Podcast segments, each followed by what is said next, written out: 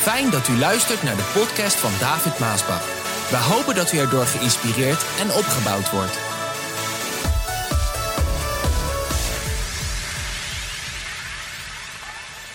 In 1 Johannes 1, daar lezen we in de Bijbel, begint echt heel mooi. Ik vind dat zo'n krachtige tekst. eh, hoe het in het begin was. Want we leren natuurlijk van alles op school. Eh, en zeker aangaande de evolutieleer. Ja, wat, wat mij betreft gewoon een valse leer is en niet waar is. U bent het wel van mij gewend dat ik gewoon zeg waar het op staat. Maar de kinderen leren het wel. Zo worden ze opgevoed alsof het allemaal zo is. Maar het is uiteindelijk ook een geloof, de evolutieleer. Want echte bewijzen kunnen ze ook niet. Want vraag ze maar eens waar het eerste slijmpje dan vandaan komt. Het eerste levenscel weten ze ook niet. Dus dan moeten ze ook maar geloven. Maar de Bijbel begint daar en zegt: In het begin was het woord. En het woord was bij God en het woord was God en het woord is vlees geworden.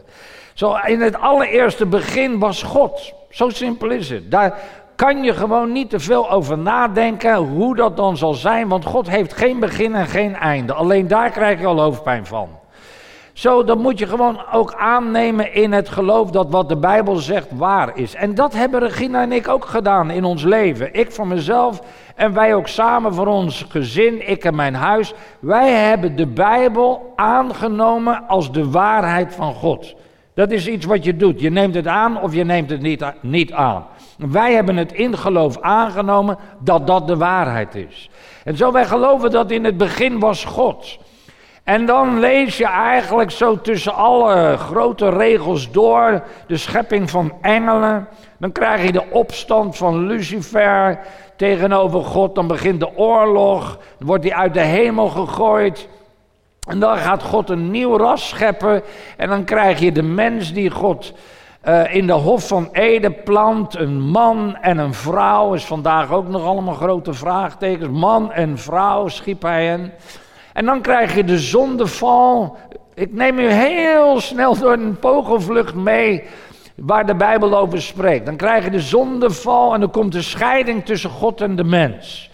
En dan heeft God, zegt de Bijbel, al een plan klaar om de mens weer terug bij hem te brengen. Dat is wat wij noemen het grote verlossingsplan.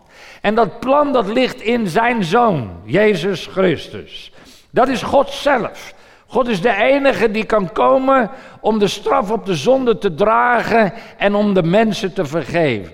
En zo God kijkt dan naar deze planeet aarde en de mensen die erop zijn. En ja, het gaat in de dagen van Noach zo slecht met de mensen dat hij spijt krijgt dat hij de mensen heeft gemaakt. Wil hij er een einde aan maken, maar dan vindt toch één mens genade in de ogen van God. En dat is Noach. En dan moet Noach een ark bouwen en hij bouwt een hele grote ark om van de dieren in te nemen en zijn gezin. En voor de rest gaat alles ten onder. Maar Noach en zijn gezin blijven leven. En dan begint God opnieuw met de mens. En dan uiteindelijk, dan komt God naar deze aarde toe in hij wordt vlees. God is geest, zegt de Bijbel, maar hij wordt vlees. In de geboorte van een heel klein babytje. Nou, dat vieren we altijd weer met kerstfeest. Dat Jezus wordt geboren in Bethlehem. God wordt geboren in Bethlehem. God die geest is, wordt dus vlees. En dan wordt hij geboren in Bethlehem. En dan, ja, dan zit Herodes al achter hem aan. En dan groeit Jezus, God. Ik moet eigenlijk, ja, de ene keer zeg je Jezus, dan weet je wie je bedoelt. Maar het is eigenlijk ook God. Dus God groeit op als mens onder de mensen. En zo, zo gaat God meevoelen hoe mensen leven. Want hij groeit op onder de mensen. En hij voelt de pijn van mensen. Hij voelt de verdriet van mensen. Hij voelt waar mensen doorheen gaan. Hij praat met mensen. Hij is zelf mens, dus hij weet hoe het voelt om vlees te zijn. Hij weet hoe het voelt om te vallen, om jezelf te, te bezeren. En, en, en, en hij weet hoe het voelt om, om met, met, met, een, met zijn pleegouders, Maria en uh, Jozef, op te groeien, om gehoorzaam te zijn.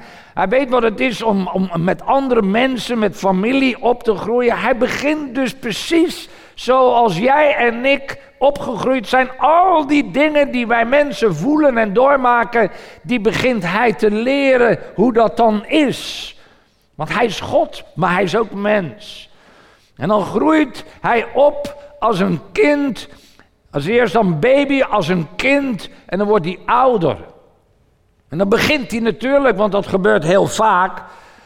Dan gaat uh, zo'n lief die gaat dan werken bij papa in de zaak. Want zo gaat dat heel vaak. Papa heeft een zaak, een garage, whatever. En dan komt zo'n lief en die komt dan meehelpen, eerst met klusjes. En zo was dat bij Jezus ook, niks anders. Zo, het is ook niet zo'n uh, hele rare gedachte dat Jezus gewoon opgroeit als een jongen, zoals jij en ik, zoals andere mensen.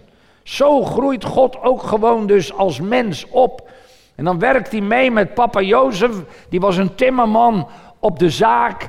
En dan leert hij ook net als papa, leert hij, hij leert schaven denk ik, hij leert een, eh, een, een spijker met de hamer slaan. Hij leert uh, vegen, al dat, uh, dat slijpsel. Mensen komen bij hem met, met uh, een, een span van, van, van ossen wat stuk is. Of een ploeg wat stuk is. Of een tafel of een stoel. Gewoon heel normaal. Groeit hij dus op, helpt hij mee met papa in de zaak. En toch is Jezus niet gewoon Jezus mens. Het is God. Hallo, het is God. Hij weet, hij weet waarom hij op aarde kwam. En, en ik kan mij zo voorstellen dat hij dan elke keer, als dan weer iemand kwam met een stuk tafel, een tafel die stuk was, of een stoel die stuk was, of een ploeg die stuk was, en dan moest hij dat maken, en dan maakte hij dat wat stuk was, maar eigenlijk binnenin hem was iets anders gaande. Hij was eigenlijk gekomen om de relatie die stuk was tussen papa de vader, God de schepper en de mens, om die te herstellen. Zo, hij, hij maakt eigenlijk gewoon dat aardse, maar in zijn hart was hij eigenlijk al lang bezig met dat grote herstelproces wat hij teweeg zou brengen tussen God en mens. Het doet mij een beetje denken aan mijn vader, evangelist Johan Maasbach. Je leest het ook in zijn autobiografie, Waarom ik Christus predikt. Dat hij als jonge man, hè, net in de twintig, gaat hij eh, op de vaart en dan eh, is hij uh, chef-kok op, uh, op ook de Holland-Amerika-lijn. En, en dan vaart hij als chef-kok op die grote schepen. En in zijn hart had hij de roeping om het evangelie te prediken. Om het brood des levens aan de mens te geven. Om, om het ware leven aan de mensen te brengen. Maar hij was op die schepen nog chef-kok, waarin hij gewoon voedsel voor de mensen bracht, maakte, lekker eten. Maar hij wist dat dat niet het voedsel was waardoor de mensen eeuwig leven zou hebben, want hij zou ze te eten geven, ze zouden toch sterven. En dan schrijft hij ook in zijn boek dat hij dan bijvoorbeeld voor het fornuis stond en dan deed hij zijn handen omhoog en dan bad hij en dan zei hij: Papa, hoe lang moet ik nog dit voedsel bereiden? En geven aan de mensen waar, waar de mensen toch nog van sterven. Hoe lang moet ik nog wachten totdat ik het, totdat ik het evangelie, het ware brood, het ware evangelie mag brengen. Waardoor de mensen eeuwig leven zullen ontvangen. En toen kreeg hij ook nog daar ergens in dat gebed kreeg hij een visioen. Dat hij een grote mensenmassa zag. Waar, waar hij eh, naar sprak. Maar goed, hij was nog jong en hij zat op die boot. En pas vele jaren later, in 1958, kreeg hij datzelfde visioen. Toen hij naast evangelist Theo Osborne op het Malieveld hier in Den Haag stond. En honderdduizend mensen op dat veld aanwezig waren. En hij de vertaler was en het, en het ware voedsel gaf aan de mensen. Zo weet God alle dingen. En zo was het ook met Jezus. En als Jezus dan opgroeit daar als jonge man, dan plotseling is hij in die, uh, hij is in die, uh, die, die, hoe noem je dat, uh, waar, waar getimmerd wordt. Die werkplaats, zeg maar. Heeft zijn stofjas aan, is aan het, is aan het timmeren, weet ik wat hij aan het doen is. En dan plotseling, dan hangt hij zijn stofjas op en dan, dan slaat hij dat stof van, van, van, van het hout, slaat hij van zijn mantel af. En dan gaat hij naar de Jordaan. Want zijn neef Johannes is daar aan het prediken en de mensen aan het dopen. De onderdompeling. Hij is 30 jaar inmiddels. Gebeurt zo ineens plotseling. Heeft tegen niemand wat gezegd. Maar dan staat hij daar op, slaat het af, gaat naar de Jordaan toe. Want hij gaat zich laten dopen. Het is tijd. De tijd is aangebroken. Het gaat allemaal beginnen nu. Nu gaat het eigenlijk beginnen waarvoor hij op aarde kwam. Al die tijd heeft hij moeten opgroeien, heeft hij moeten wachten. Maar nu gaat het dan beginnen. Want hij heeft de beslissing genomen om zich te laten dopen, want het is tijd. En als hij dan bij de Jordaan komt, dan, dan daar is Johannes aan het dopen. Er staan een hele hoop mensen staan er omheen. Want zo ging dat elke dag, was Johannes daar. Elke dag doopte hij de mensen door onderdompeling. En als Jezus dan aankomt en Johannes ziet hem, dan roept Johannes uit dat iedereen het hoort. Zie het lam van God dat de zonde van de wereld wegneemt. Johannes zag iets wat niemand zag. Hij zag door de Heilige Geest dat Jezus de Messias was. Het lam van God gekomen uit de hemel om de zonde van de mens te dragen. Dat is een openbaring, die kan je niet zomaar hebben. En dan komt Jezus bij Johannes en dan, ja, Johannes die, die denkt, ja, wie ben ik? Want, want hij zegt ook, Johannes zegt, ik ben niet eens waardig om zijn schoenveters vast te maken. Dat had hij gezegd, Johannes. Van, van degene, ik ben, Johannes had gezegd, ik ben niet de Messias, ik ben niet degene waar het om draait. Ik ben alleen maar eentje die hem, die vertelt dat hij gaat komen. we noemen dat een voorloper. Ik ben alleen degene die vertelt dat hij gaat komen waar het om gaat. En, en, als die komt, dan ben ik niet waardig om zijn schoenveters vast te maken. En dan komt Jezus dus en dan roept hij uit, ziet dat, dat is hem, dat is hem. En dan komt Jezus bij Johannes en dan ja, dan, dan denkt Johannes, ja, ik ben niet waardig dat ik u moet. U moet mij dopen. Kijk, en dan vind ik het mooi wat Jezus hier zegt, hè. Want dan zegt Jezus tegen Johannes, nee Johannes, doop mij nou maar gewoon, want ook ik moet gewoon gehoorzaam zijn. Kijk, dopelingen, en misschien mensen als je nog niet gedoopt bent, de onderdompeling. Dit is waar het allemaal mee te maken heeft. Het heeft te maken met gehoorzaamheid waar jullie nu aan voldoen. Je bent tot de Heer gekomen, je hebt hem aangenomen als je redder en verlosser. En dat zegt de Bijbel dat we ons moeten laten dopen. En, en er is maar één doop. De Bijbel die spreekt over de doop der onderdompeling. Kijk, er wordt natuurlijk een hoop, is er geleerd door de jaren heen van de kerk, die heeft het over de kinderbesprenging, maar daar lees je helemaal niets van in de Bijbel. Niets, helemaal niks. Eh, dat is een door de mens zelf uitgevonden iets. De Bijbel die spreekt duidelijk over de doop van de onderdompeling. Want je leest het maar voor jezelf hoor. We gaan het nu niet lezen in Matthäus 3, vers 13. Lees het voor jezelf. Want daar zegt de Bijbel dat Jezus in het water ging. Nee, laten we het gewoon lezen. Laten we het even snel lezen. Matthäus. Jezus verliet Galilea en ging naar Johannes eh, om zich ook door hem in de Jordaan te laten dopen. Maar Johannes hield hem tegen. Ik moet door u worden gedoopt, protesteerde hij, in plaats van u door mij. Doe het maar, antwoordde Jezus. Want we moeten precies doen wat God van ons verlangt. Met een andere vertaling zegt: Het is mij betamelijk om gehoorzaam te zijn. En toen doopte Johannes hem. Meteen toen Jezus uh, gedoopt was en uit het water kwam. Hallo. Er staat niet dat hij besprengd werd. Nee, hij kwam uit het water, scheurde de hemel open. En Johannes zag dat de geest van God in de vorm van een duif op Jezus nederdaalde. En de stem uit de hemel die zei: Dit is mijn geliefde zoon hij verheugt mijn hart. Zo, dat lees je later ook weer bij die Moorman en uh, Filippus. Dat ze gingen in het water en hij steeg op uit het water. Dat is de doop waar de Bijbel over spreekt. Dat is de doop der onderdompeling. Nou, laat ik het zo zeggen. De Bijbel die zegt niet letterlijk doop der onderdompeling, want dat kun je niet lezen. Dat staat er niet.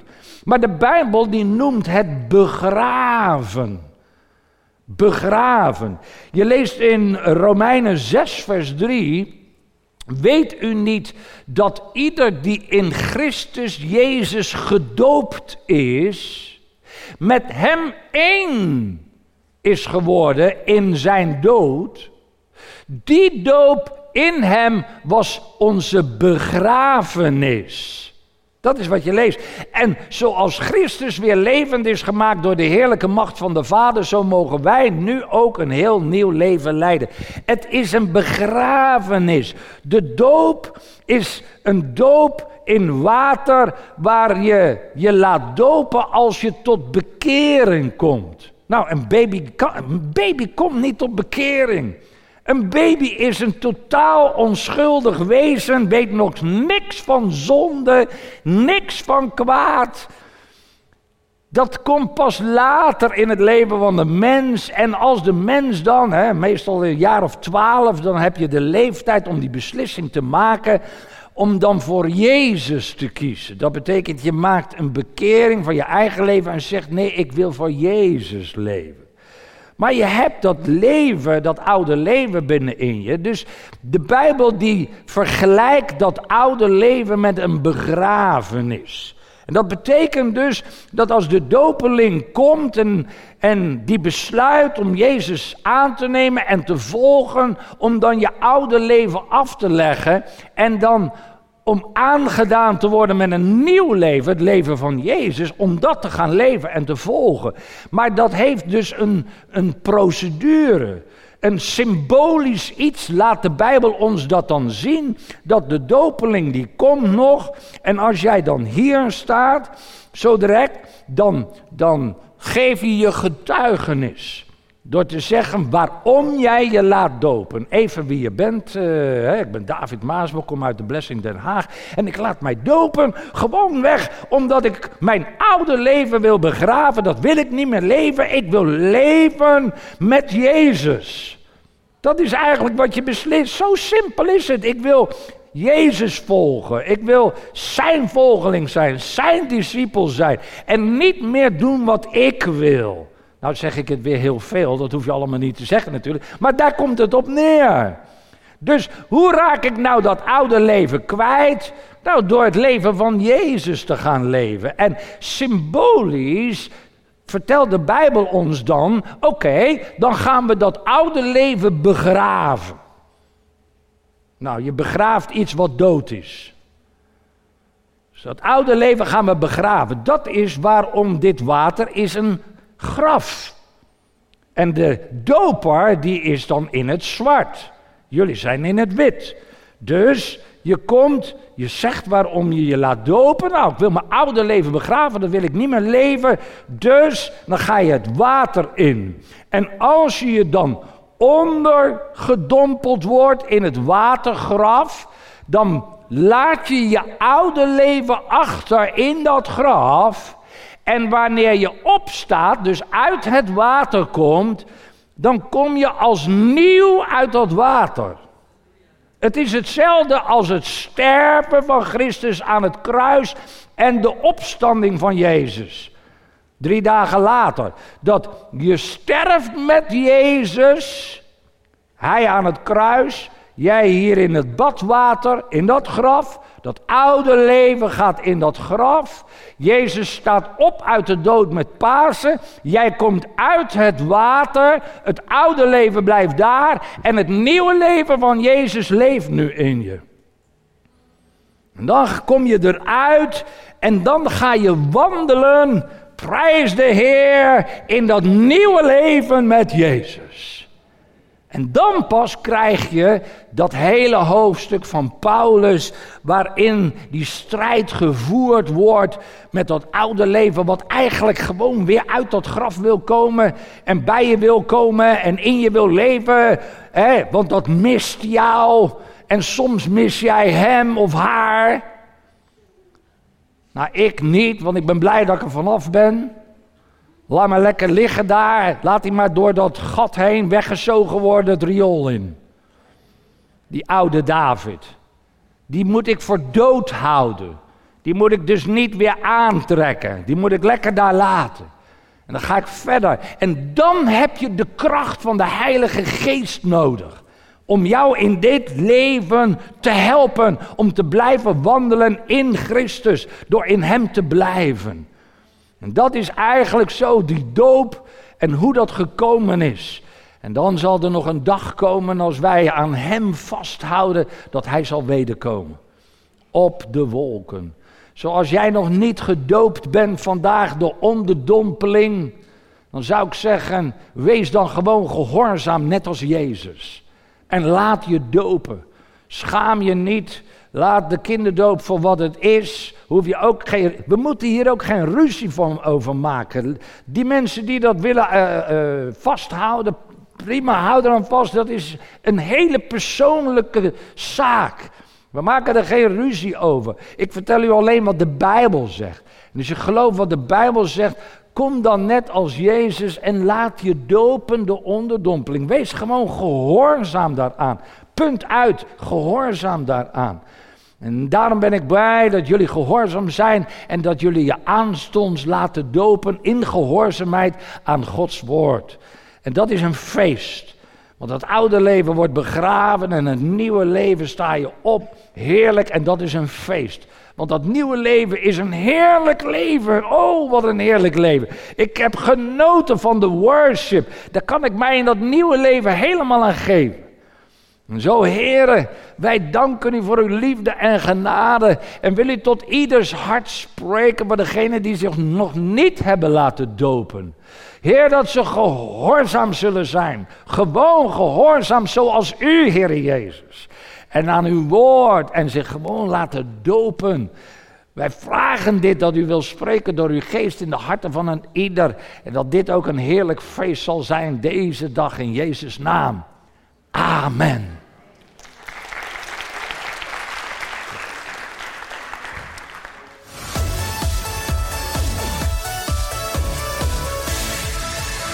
Bedankt voor het luisteren naar deze podcast.